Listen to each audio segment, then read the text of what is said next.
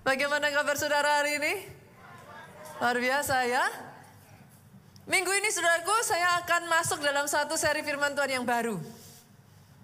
Yang berjudul Drama Free Family.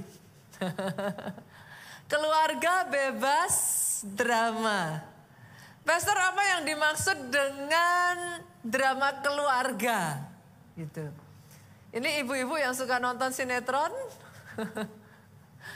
Drama keluarga saudaraku adalah plot yang begitu cepat ya saudara. Keadaan-keadaan yang berubah-ubah.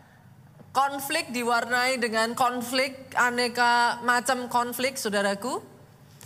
Dan apa saudara? Emosi kita itu dimainkan gitu sedemikian rupa ya. Dalam dunia perfilman, konteks perfilman, saya rasa drama yang seperti ini adalah drama yang sangat diminati. Dalam konteks perfilman saudaraku, sampai mungkin kemarin tuh ada sinetron apa itu ya saudara, sampai episode-episodenya berlanjut terus itu apa namanya kemarin itu ya? Ada yang sekarang kayaknya udah jala, apa? Tersanjung katanya saudara. sampai gak berhenti-berhenti gitu saudara. Kita dibikin penasaran ini apa lagi, apa lagi kayak gitu ya. But in the real life, trust me, yang seperti itu kita nggak mau, saudara. Kenapa pastor tiring? Capek. Kita maunya keluarga yang harmonis.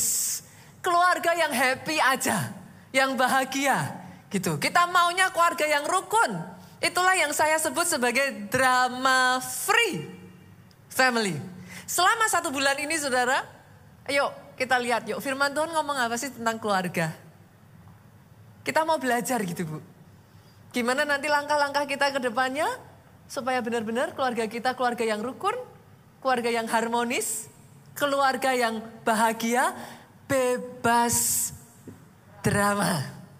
Itu sebabnya saya akan mengajak saudara kita buka terlebih dulu dari 2 Korintus pasal yang ketujuh ayat yang kelima.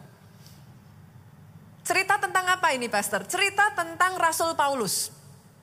Ayat ini menurut saya cukup unik saudara. Dimulai dari kata-kata seperti ini, bahkan ketika kami tiba di Makedonia. Ring a bell enggak ayat ini saudara? Kalau saya garis bawahi kata Makedonia, maka yang muncul di benak saudara apa? Bahkan ketika kami tiba di Makedonia. Makedonia ini berbicara apa, saudara? Ada yang ingat? Ah, apa?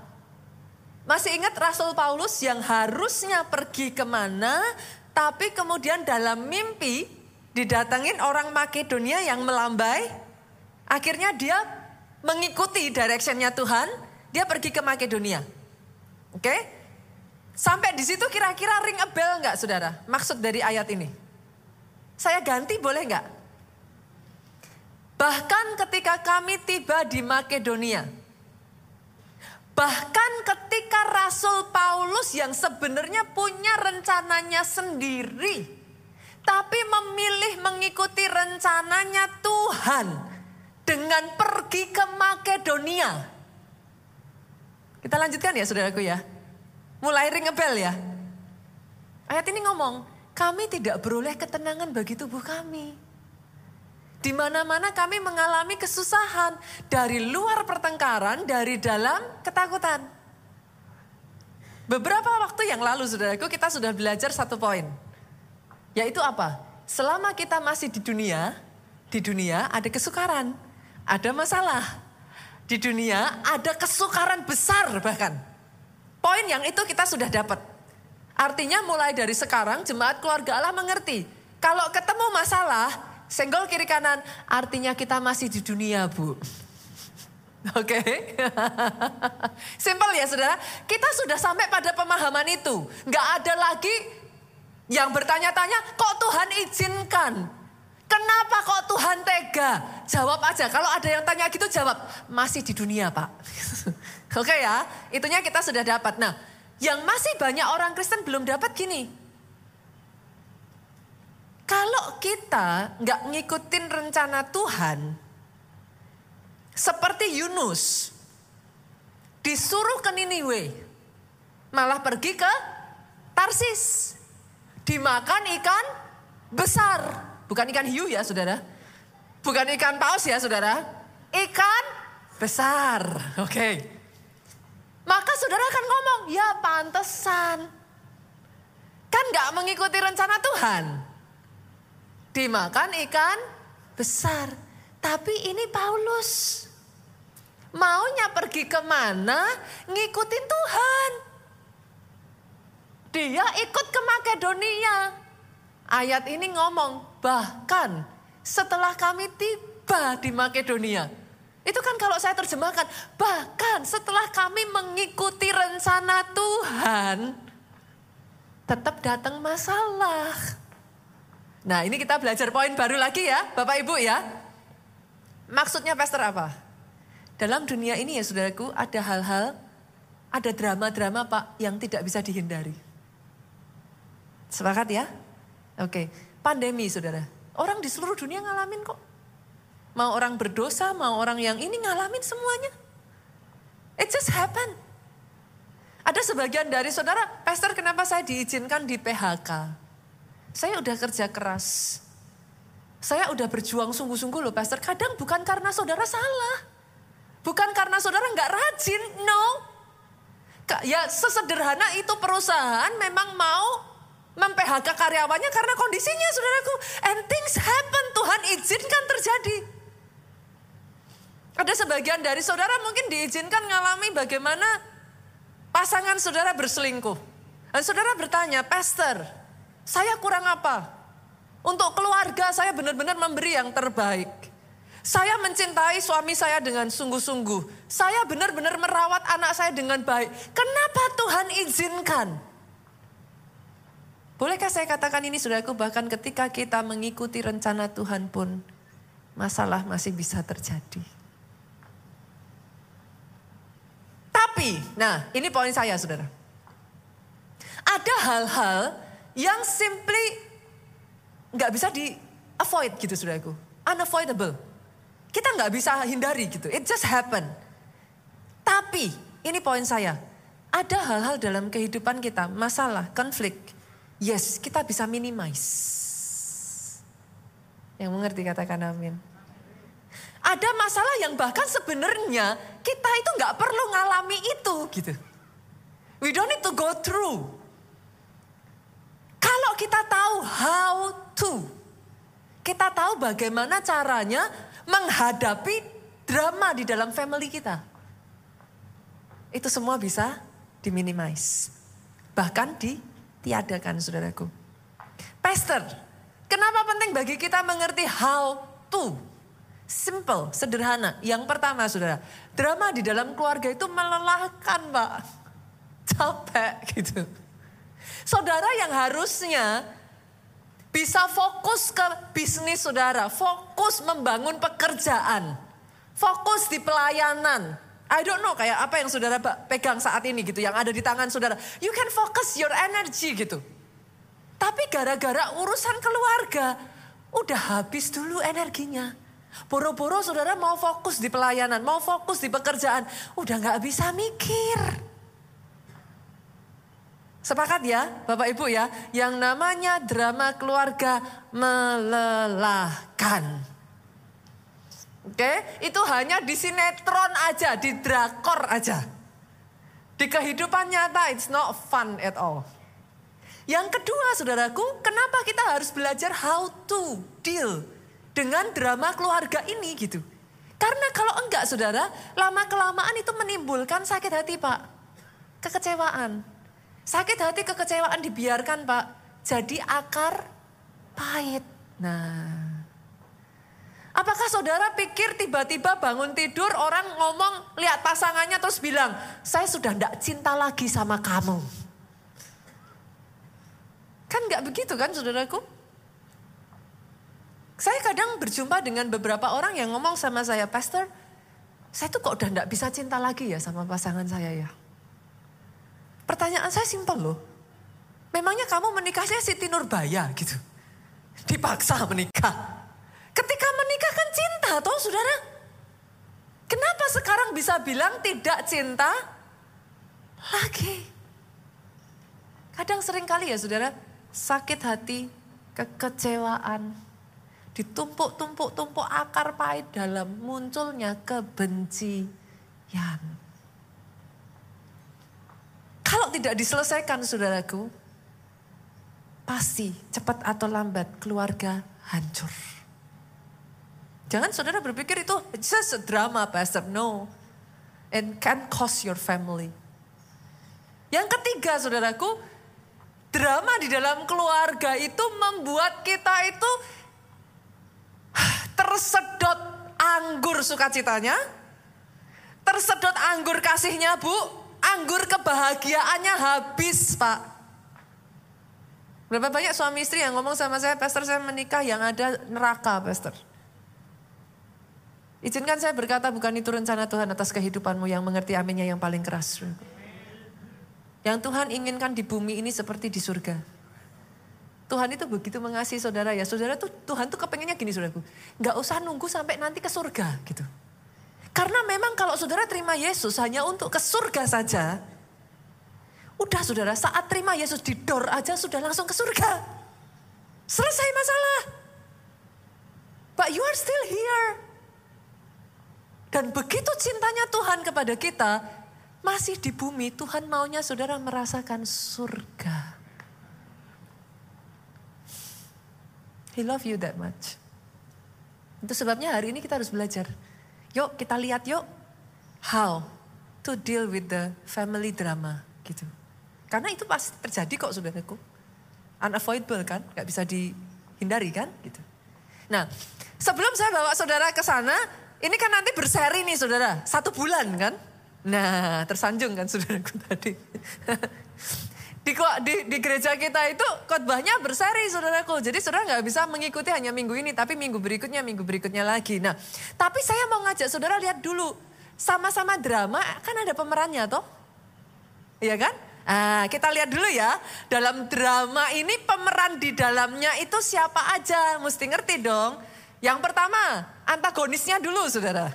Ya kan? Biasanya kan tokoh antagonis kan ada ya. Antagonisnya dulu siapa? Semua bisa jawab ini pasti. Siapa? Siapa? Nah, iblis, saudaraku. Nggak selalu yang tampak daging loh ya, saudara. Nah, sering kali di dalam drama-drama keluarga, iblis itu ikut campur. Dia sudah melakukan itu pada keluarga pertama di muka bumi ini. Siapa Bapak Ibu? Adam dan Hawa. Adam dan Hawa itu kurang apa Bapak Ibu? Semua yang dibutuhkan ada. Orang zaman sekarang untuk bahagia harus kerja keras. Kerja keras demi apa sudah bisa makan kan gitu. Lucu kan dunia ini. Zaman itu Adam dan Hawa mau makan tinggal petik pak. Mau apa? Jus strawberry. Ada tinggal petik. Mau apa? Wagyu, potong sudah. Mau apa coba saudara? Salmon, mancing kan gitu. Semua tersedia. Alkitab mengatakan semuanya baik adanya. Sampai ular datang pak. Dia datang. Dan iblis itu kalau ngomong nyenengin saudara. Jangan lupa ya, dia hidup lebih lama dari kita. Oke? Okay? Sadly, he's very creative. Dia terlibat dalam kehancuran ratusan ribu keluarga. Jadi dia tahu sudah. Iblis datang, ular itu datang. Dia datang sama keluarga pertama dia ngomong gini. Eh Hawa, Tuhan tuh ya, gitu ya. Kamu gak boleh ya makan semua ini kan? Gak boleh kan?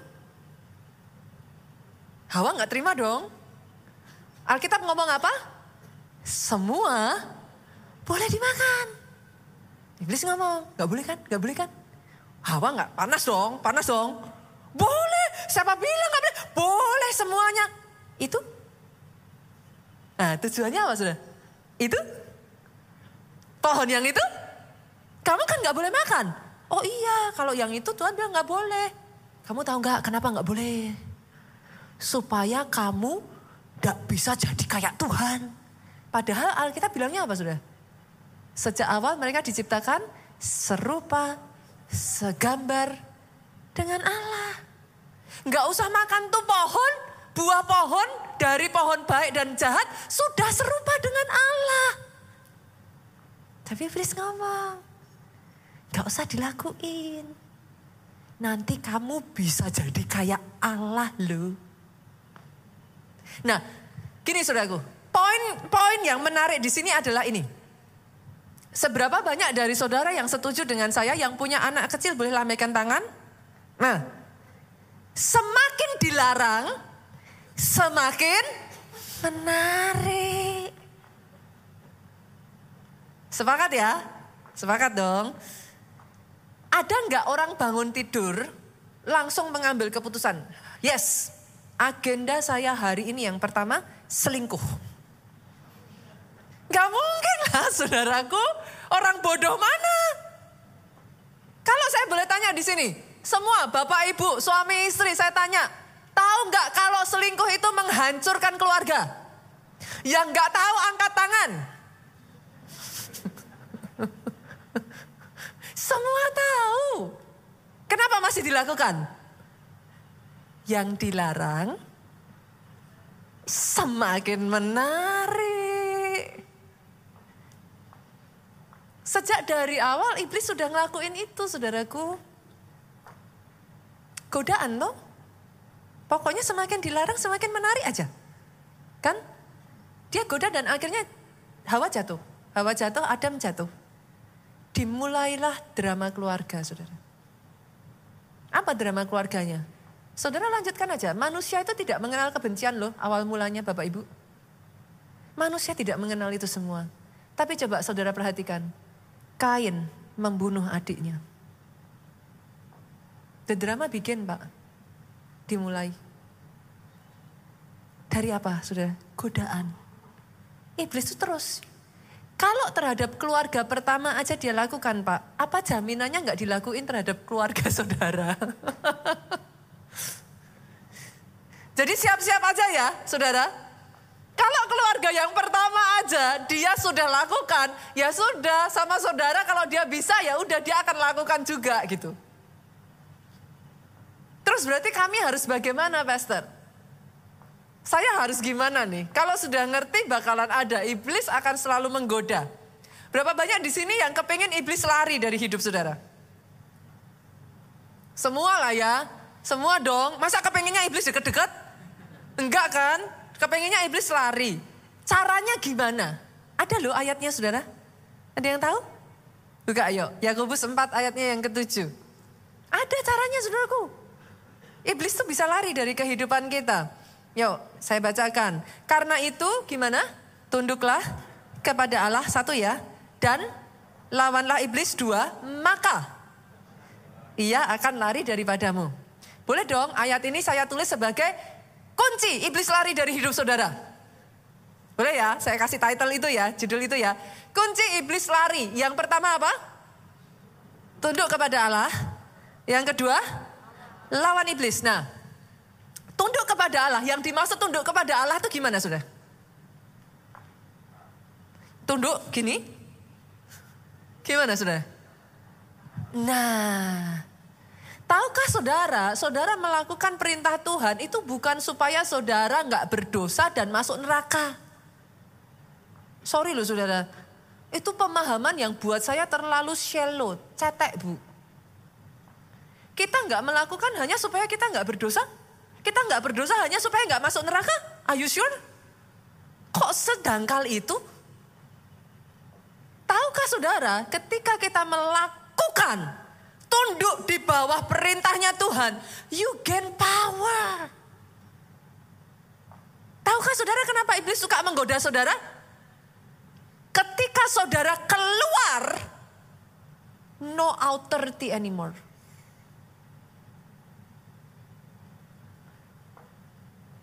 Jangan hanya ngomong jadi orang Kristen nggak enak, apa-apa nggak boleh, apa-apa dosa.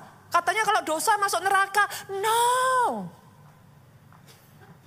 That's not the point. Yes, dosa saudara akhirnya juga masuknya ke sana. Tapi that's not the point. Poinnya adalah you lose the power you have. Once you lose the power, iblis akan habisin hidup saudara. That's the point. Jadi bukan saya nggak boleh gini, saya nggak boleh gitu, nggak enak ya jadi orang Kristen nggak boleh ini, nggak boleh itu, nggak boleh apa. No. By submitting under God, you have authority and power. Tapi bukan cuma itu saudaraku. Banyak orang Kristen udah dapat otoritasnya. Nggak dipakai.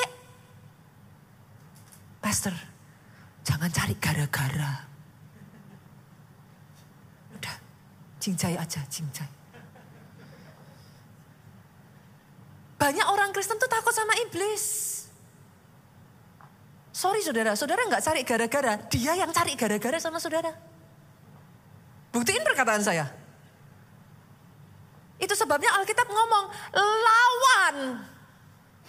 Jangan diem, lawan. Caranya ngelawan gimana? Yang pertama saudaraku, yang paling pasti lawan dalam doamu. Peperangan roh. Tahukah saudara kenapa orang Kristen diajarkan disiplin rohani doa setiap hari? Berapa banyak dari kita yang ngomong pastor bosen? Tapi yang namanya peperangan roh ya saudaraku, kalau saudara tahu apa yang saya katakan, saudara pernah mengalami apa yang saya katakan ini. Kadangkala yang namanya peperangan roh ya, itu tiba-tiba kayak suasana tuh bisa menekan sekali. Saudara harus belajar bertekun tuh di dalam doa. Kadangkala berbahasa roh sekian lamanya, berjam-jam kadang sampai tiba-tiba tuh ya atmosfer di udara tuh bisa kayak blar gitu. Itu you know it gitu. Ah, udah menang nih gitu. Tiba-tiba nanti ini terjadi, ini terjadi kayak terjadi kayak just like that gitu. Selesai, selesai, selesai kayak gitu. Pertanyaan saya loh saudara. Lah kalau disuruh doa 5-10 menit aja saudara nggak bisa kok. Mau perang. Di mana tenaganya? That's the reason why kita punya disiplin doa setiap hari.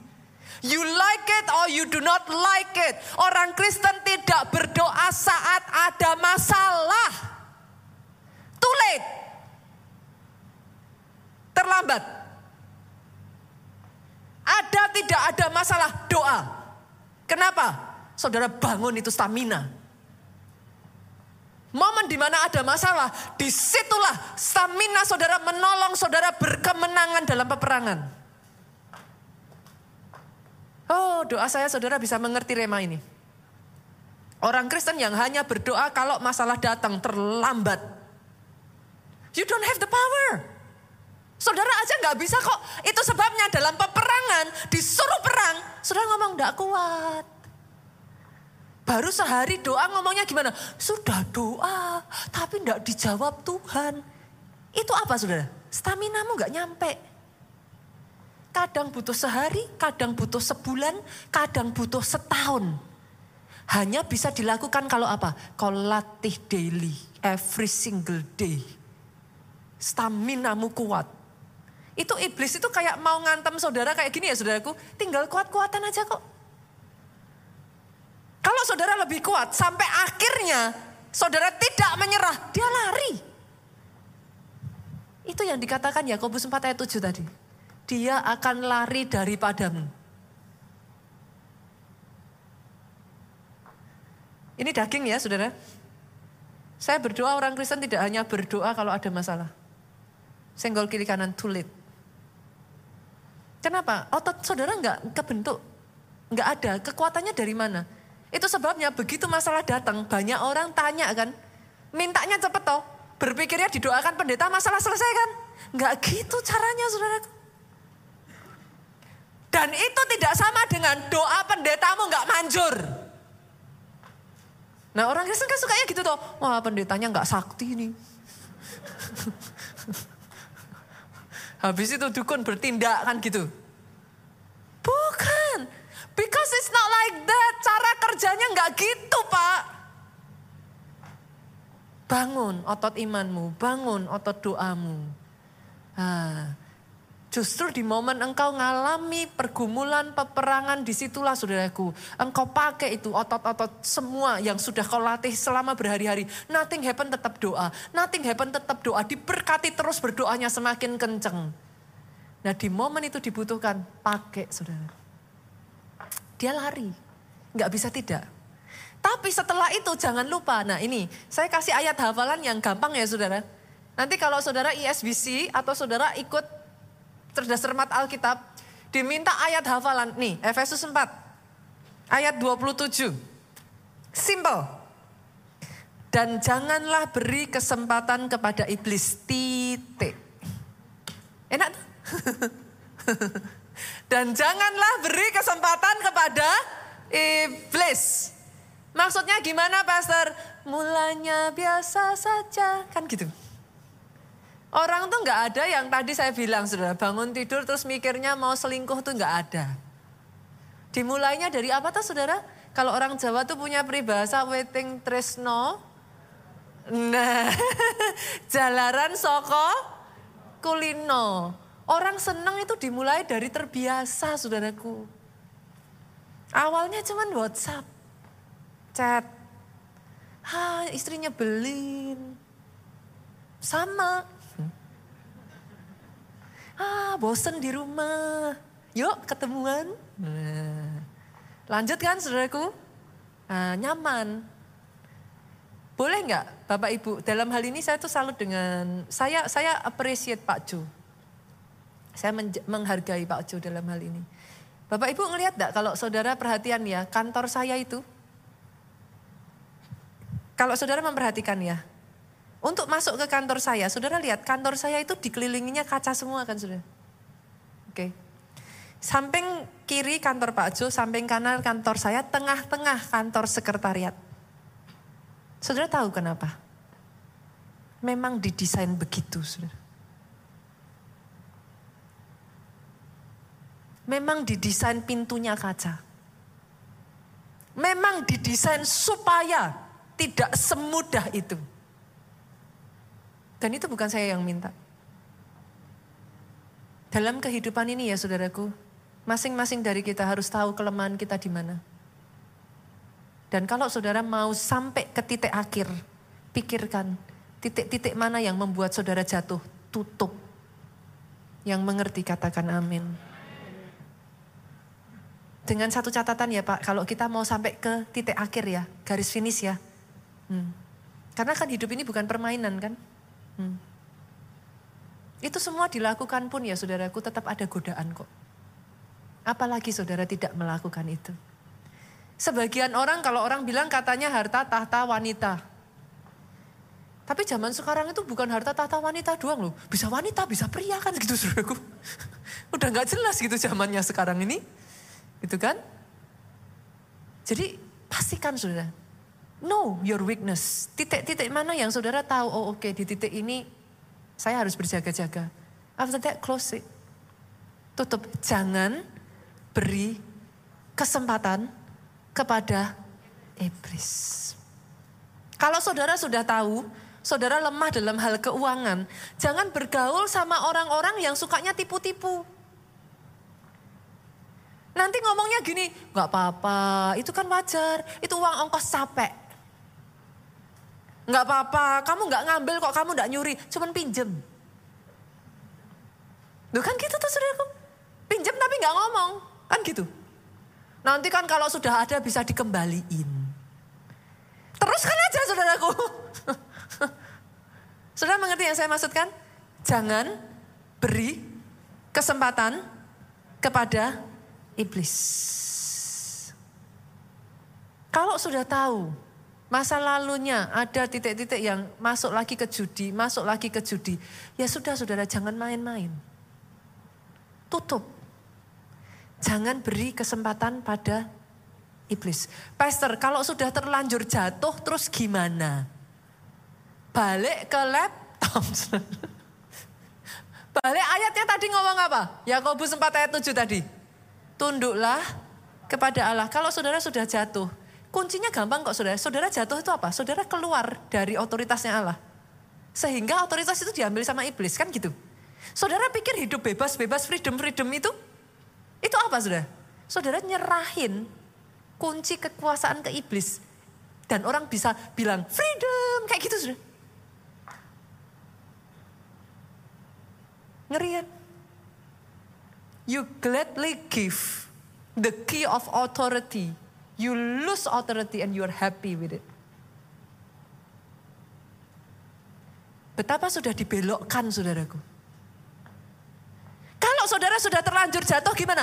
Balik lagi, tunduklah kepada Allah. Jangan sudah terlanjur jatuh bablas.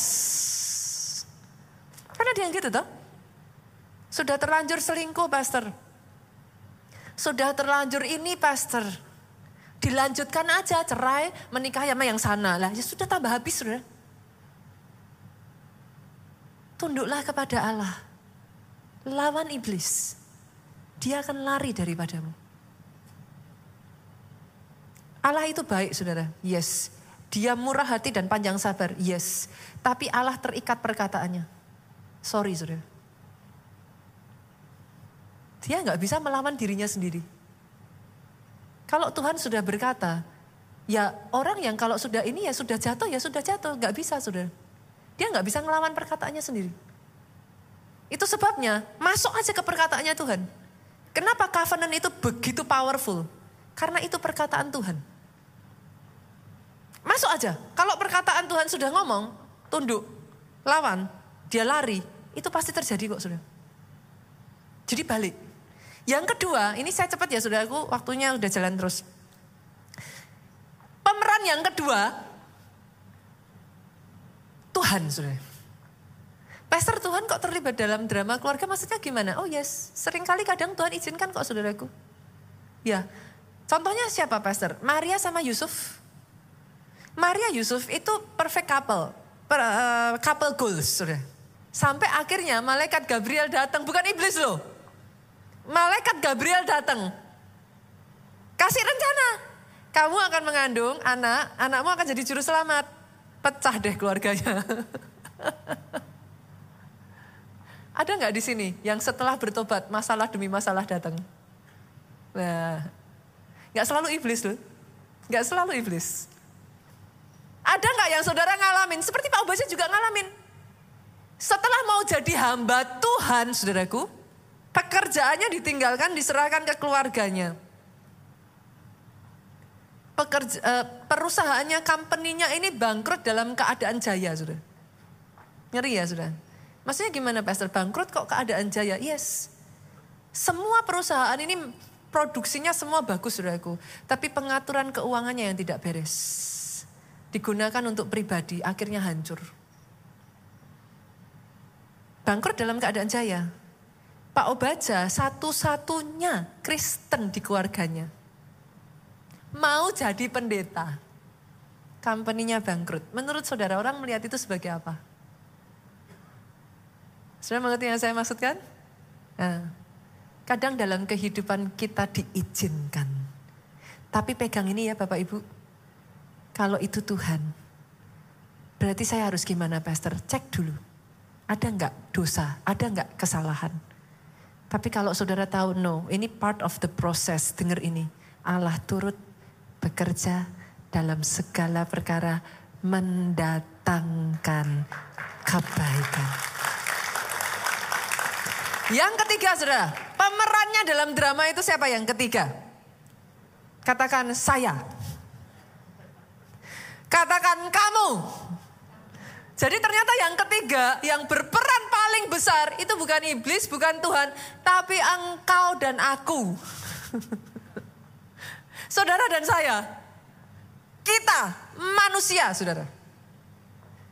Seringkali kenapa drama terjadi, Pastor? Bukan karena iblis. Saudara mau salahkan iblis juga saya nggak masalah sih, saudara. Dari awal dia udah salah gitu kan. Jadi disalahkan sedikit lagi, I don't care gitu. Tapi bukan karena iblis. Terus penyebabnya apa, Pastor? Yo, kita buka, kita lihat ya. Yakobus 4, ayatnya yang pertama sampai ayatnya yang kedua. Ayat ini ngomong gini, saudara. Dari manakah datangnya sengketa dan pertengkaran di antara kamu? Saya ganti boleh nggak? Dari manakah datangnya drama keluargamu? Boleh ya, Bapak Ibu ya? Dari mana? Kenapa itu bisa terjadi? Saya lanjutkan saudara. Ayat ini ngomong, bukankah datangnya dari hawa nafsumu yang saling berjuang di dalam tubuhmu? Bukan iblis loh saudara. Bukan Tuhan. Dari mana? Hawa nafsu. Tetangga sebelah beli handphone baru. kita juga mau beli handphone baru. Teman sekantor naik sepeda motor baru, Pak. Kita juga mau. Besok pelayanan, teman sepelayanan naik mobil baru. Kita juga mau. Tapi uangnya nggak ada. Terus gimana? Gesek. Geseknya sudah habis, pinjol. Kan gitu saudara. dari mana datangnya drama? Keluarga dari hawa nafsu. Tadi saya bilang, sudah tahu kan selingkuh merusak keluarga? Kenapa tetap selingkuh? Hawa nafsu. Hawa nafsu saudara. Bukan iblis. Iblis gak ikut campur di situ. Iblis itu dalam hal itu lihat saudara tinggal sudah. Iblis itu cuma bagian apa? Kalau orang Jawa bilang dijoroknya aja saudara. dalam hal itu dia nggak ikut-ikut. Udah hawa nafsu saja. Hawa nafsu itu apa? Keinginan daging, keinginan mata, keangkuhan hidup. Tiga ini.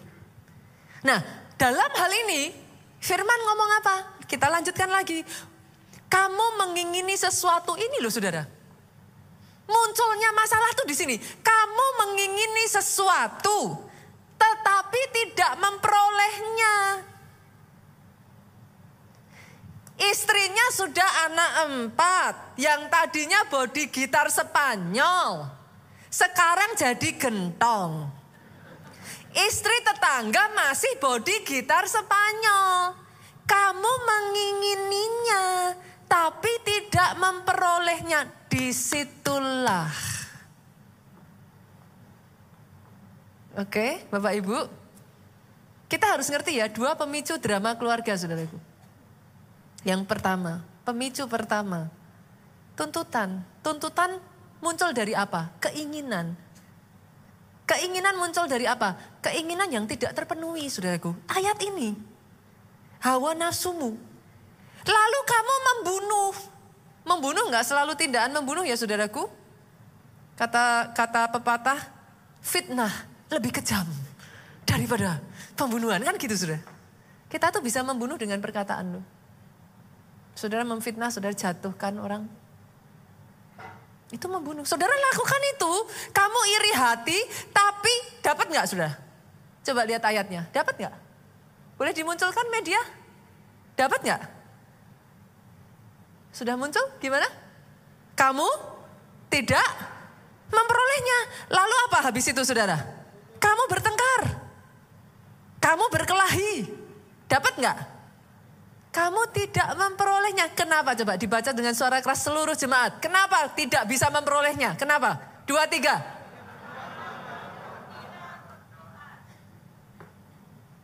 Doa itu much more than saudara hanya sekedar doa, saudara. Oh doa itu ngeri. One day ya, saya akan minta untuk gereja kita mengajarkan power dari doa, saudara. Tidak sesederhana yang saudara pikirkan. Doa itu menentukan masa depanmu. Really, really. Ayat ini ngomong kok, saudara. Kamu kepengen, kamu ini. Pertanyaan saya, yang salah di mananya? Salahkah kalau kita kepengen? Enggak salah. Salah enggak kita punya ambisi besar? Hmm. Salah enggak punya visi besar? Yang jadi masalah di mana? Kamu tidak berdoa. Ambisinya jadi ambisi manusia, enggak dimurnikan saudaraku. Visinya besar tapi kekuatannya enggak mampu, akhirnya tabrak kanan tabrak kiri. Kenapa? Kamu tidak berdoa. Suami istri sama saudara. Pemicu drama keluarga pertama, tuntutan. Boleh nggak sih saya tanya Bapak Ibu, adakah di sini yang pergi ke toko sepatu beli sepatu kanan sama sepatu kanan? Hah? Dikasih sepatu kiri dan kiri? Kenapa? Nah, suami istri tuh gitu. Sandal kanan, sandal kiri. Baru bisa jalan. Bapak-bapak yang suka otomotif boleh angkat tangan? Ada? Malu sudah. Bapak-bapak yang suka otomotif, saya tanya otomotif. Mau nggak beli mobil yang gas dan gas pedalnya? Hah? Lu kan kenceng. Mau nggak dikasih mobil yang pedalnya rem dan rem? Lu kenapa? Itulah suami istri. Kenapa saudara suruh sama? Suami dan istri memang nggak pernah bisa sama. Orang sandal kanan, sandal kiri. Nggak akan pernah bisa saya. Sama sudah. Saya sama Pak Jo itu ya. Kami itu beda dalam semua hal. Dalam hal yang kecil aja kami beda saudara.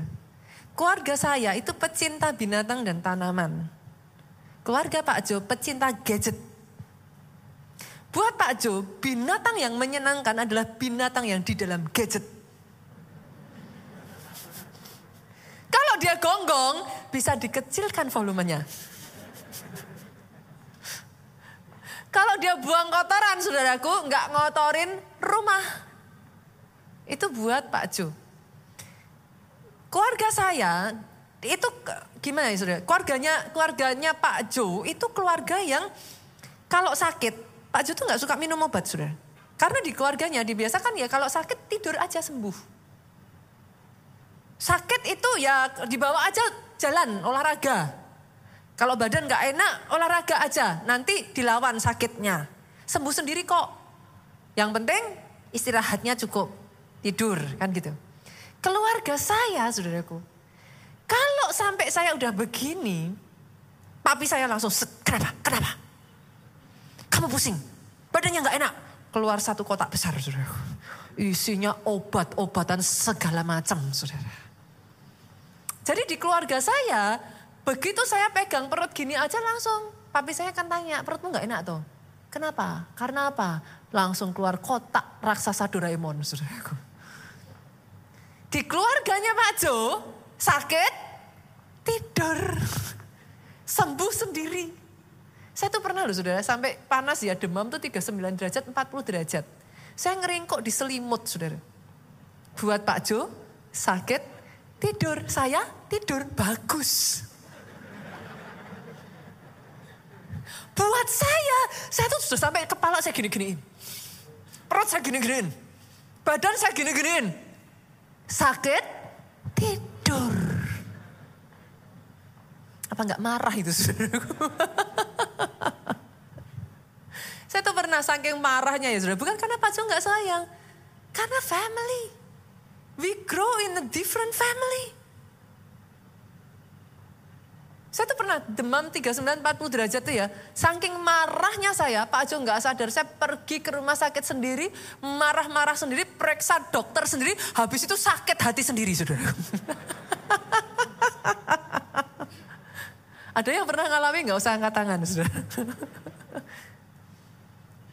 Itu sebabnya kenapa drama dalam keluarga harus diselesaikan. Terus kami harus gimana, Pastor? Kalau saudara dapat suami yang begitu terus gimana? Apa yang bisa kita lakukan? Sadari satu hal aja saudaraku. Kita tidak berubah dari tuntutan. Yang mengerti katakan amin. Tuntutan tidak membuat kita jadi baik kok. Ada nggak di sini yang senang dituntut? Pak, kalau dituntut istrinya, bagus istriku, tuntut lebih banyak lagi gitu. Marah iya saudara. Memangnya kamu aja yang benar. Kan gitu. Yang mengerti katakan amin. Nah. Sadari ini saudara. Sadari bahwa kadangkala hanya ada hal-hal yang kalau boleh saya ngomong loh ya, yang wanita khususnya di sini pria juga sama sih, tapi yang wanita aja khususnya di sini yang belum menikah. Ini loh saudara, saya tuh tahun ini ya hampir 20 tahun saya menikah saudaraku, tahun ini. Sebagian ngeliati saya, Bu Nita menikah umur berapa? Tebak aja sendiri saudaraku. saya nikahnya muda saudara. Karena setelah itu langsung kita sudah jadi hamba Tuhan itu mudah sekali saudara. Menggembalakan jemaat itu very very young saudara. Buat saudara yang menikah dan berpikir. Pasangan saudara akan berubah karena cinta. Saya ini loh saudara 20 tahun saudaraku. Apa yang saya maksudkan saudaraku? No, it cannot be like that.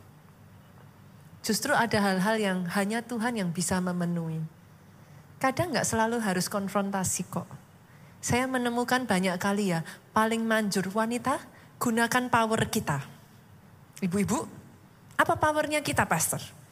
Kita harus berbicara 10 ribu kata sehari. Oke? Okay? Suami-suami dorong istrimu suka berdoa kan gitu. Tinggal ke Tuhan atau ke saudara kan gitu aja. Kalau 10 ribu ini nggak dikeluarkan meledak saudaraku. Gunakan kekuatan kita. Apa saudara? Saya menemukan hal yang paling manjur. Kalau saya sudah nggak bisa konfrontasi dengan Pak Jo, bawa doa saudara. Saya tuh bisa yang sebut. Saya panggil roh Pak Jo. Enggak saudara. Tapi yes, yes. Doa jika dengan yakin didoakan besar kuasanya.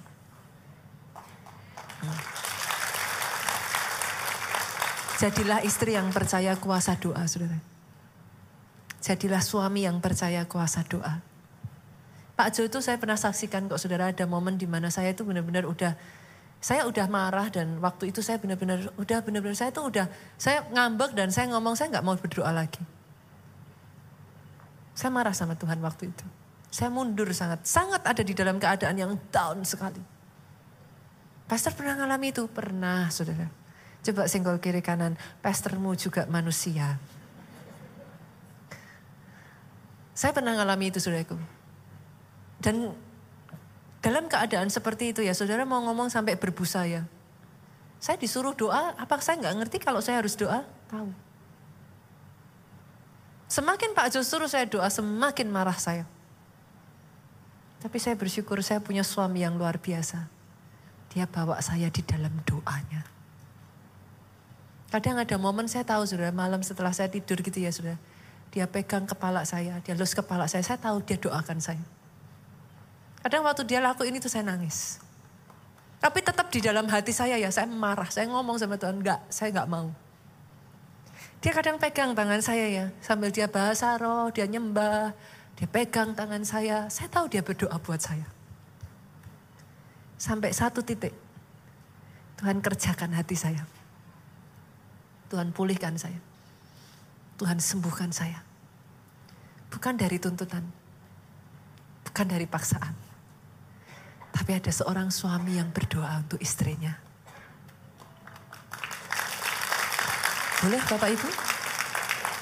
Dan yang kedua, kadang bukan ofensif tapi defensif. Banyak orang itu nggak mau disalahkan. Kenapa? Salah sama dengan kalah. Siapa yang mau kalah bu? Nggak ada orang mau kalah. Salah sama dengan kalah. Akhirnya yang terjadi apa saudaraku? Dalam kehidupan suami istri ya yang ya, yang yang sudah menikah lebih dari lima tahun tahu lah apa yang saya katakan. Lima tahun pertama masih perang-perang terus ya Bapak Ibu ya. Setidaknya sebulan pertama lah, tiga bulan pertama masih perang-perang terus. Saudara menikah sepuluh tahun, capek saudara. dalam kehidupan pernikahan tuh ya sering kali yang ada tuh ya salah satu ngalah. Ngalah bukan kalah loh. Istri kalah tapi yang penting keluarga menang. Suami kalah tapi yang penting keluarga menang. Daripada suami menang tapi keluarga kalah. Istri menang tapi keluarga kalah. Kadang dalam hidup itu kita hanya harus belajar ya saudaraku ya. Karena selalu, saya sama Pak Jo selalu berbeda. Pak Jo kemarin ceritakan di, kita kemarin habis gathering, star gatheringnya saudaraku Pak Jo ceritakan. Dalam hal simpel loh Pak. Parkir. Sama-sama yang saudara kalau parkirnya di Medit tahu ya. Ada dua jalan kan, bisa lewat mall, bisa lewat nyebrang jalan kan. Nah. Pak Jo suka nyebrang jalan, kenapa? Seger anginnya. Saya menghindari angin saudaraku. Itu aja udah beda. Lah kalau salah satu nggak mau ngalah, masa yang satu di bawah mall, yang satu nyebrang jalan sendiri, saudara. Dalam hal parkir, kan saya high heel. Kalau parkir ada kondangan, cari yang paling deket pintu. Loh ya tuh saudaraku, lah high heel langsung keluar kan kalau dekat pintu. Pak Jonya parkirnya begitu ada space kosong masuk. Saya mikir high heel. Kadang kami harus berkompromi, saudara. Lah Bunita gimana kalau gitu komprominya? Ya simple, yang megang setir yang menang gitu aja saudara. Kok ribut? Kan gitu toh. Yang megang setir aja lah. Kalau kebetulan dia yang nyetir ya sudah. Saya pakai high heel ya cangkeng aja high heelnya kan gitu saudara. Saya di atas gini ya pakai high heel ya saudara. Nanti turun udah sandalan. Boleh nggak kita belajar berkompromi Bapak Ibu? Apa yang jadi tujuan kita? Keluarga kita di bumi seperti di surga. Heaven in your family. Bolehkah saya berdoa buat saudara itu yang terjadi atas keluargamu, keluargamu, keluargamu, keluargamu.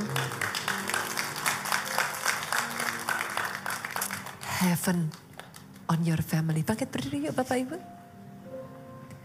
Ini keluargaku Tuhan. Kita bawa di hadapan Tuhan saudaraku. Kalau ada di antara saudara yang hari-hari ini keluargamu ada di ujung tanduk, keluargamu ada di dalam pergumulan. Bahkan kalau ada di antara saudara yang bahkan sudah tidak ada lagi rasa cinta di dalam keluarga. Yuk, di momen firman ini diberitakan, bawa di hadapan Tuhan katakan Tuhan sampai akhir. Ajar aku setia Tuhan terus setia sampai akhir. Yesus Tuhan, Yesus Tuhan. Ini doa saya saudaraku. Bahagia jadi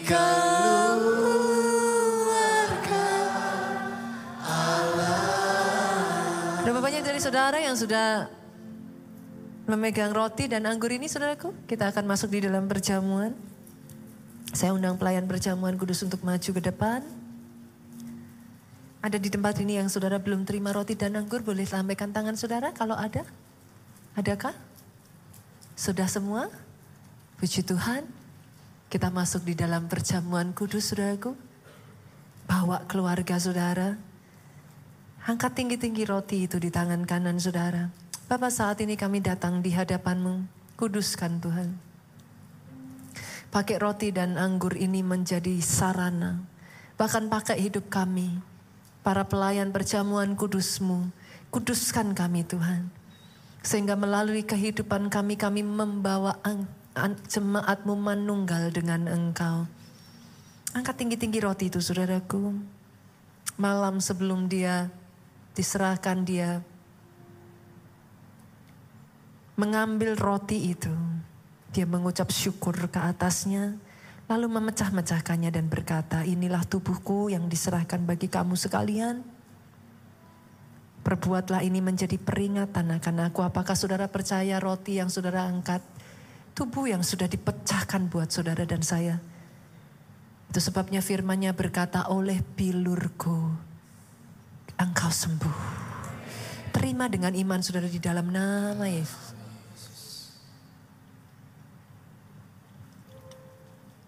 Angkat cawan itu tinggi-tinggi saudaraku.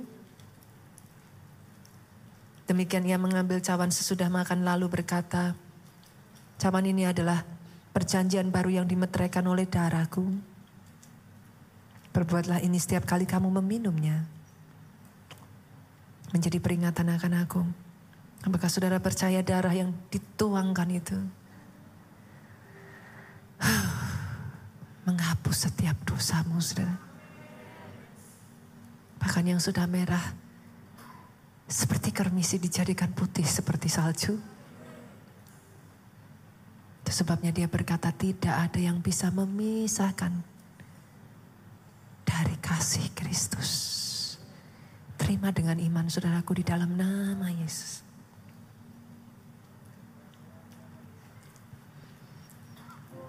Yesus Tuhan. Yesus Tuhan. Yesus. Kami datang di hadiratmu. Nikmati kasihmu. Membawa.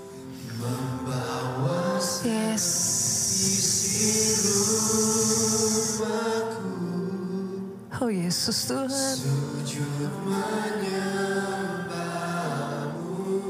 Katakan sama-sama saudaraku. Ini Tuhan. Ini keluargaku Tuhan. Kami bawa Tuhan.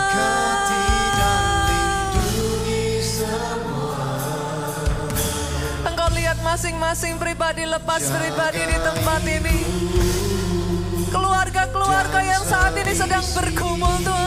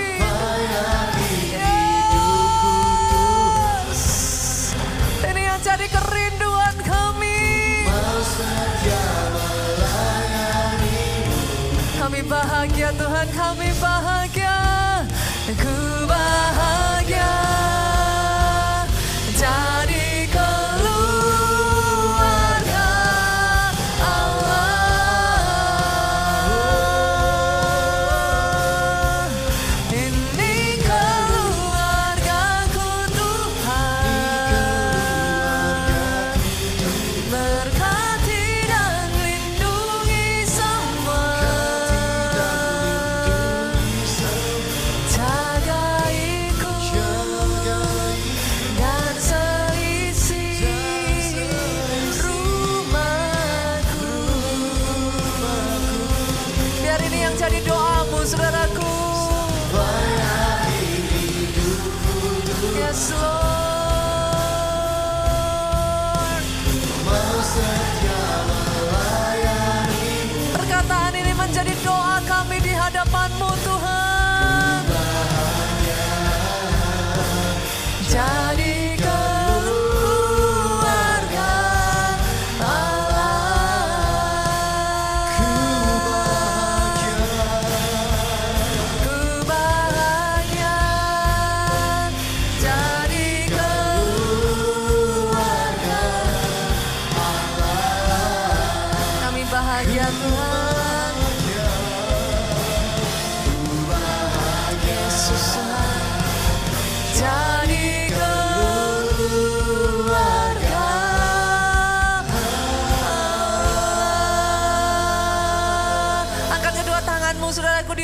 Diberkati saudara oleh Tuhan. Amin. Diberkati keluargamu oleh Tuhan. Amin.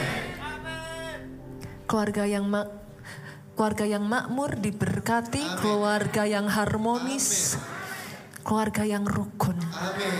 keluarga yang bahagia. Amin. Saya perkatakan ini atas hidupmu saudaraku. Amin. Sehat tubuhmu, Amin. baik jiwamu, Amin. Kuat rohmu, Amin. panjang umurmu. Amin. Untuk menceritakan segala perbuatan dahsyat yang daripada Tuhan. Pulang dari tempat ini bawa sukacita, damai sejahtera Allah Bapa. Cinta kasih Yesus Kristus, persekutuan dengan roh kudusnya. Sekarang sampai selama-lamanya. Engkau yang diberkati katakan bersama. Amin.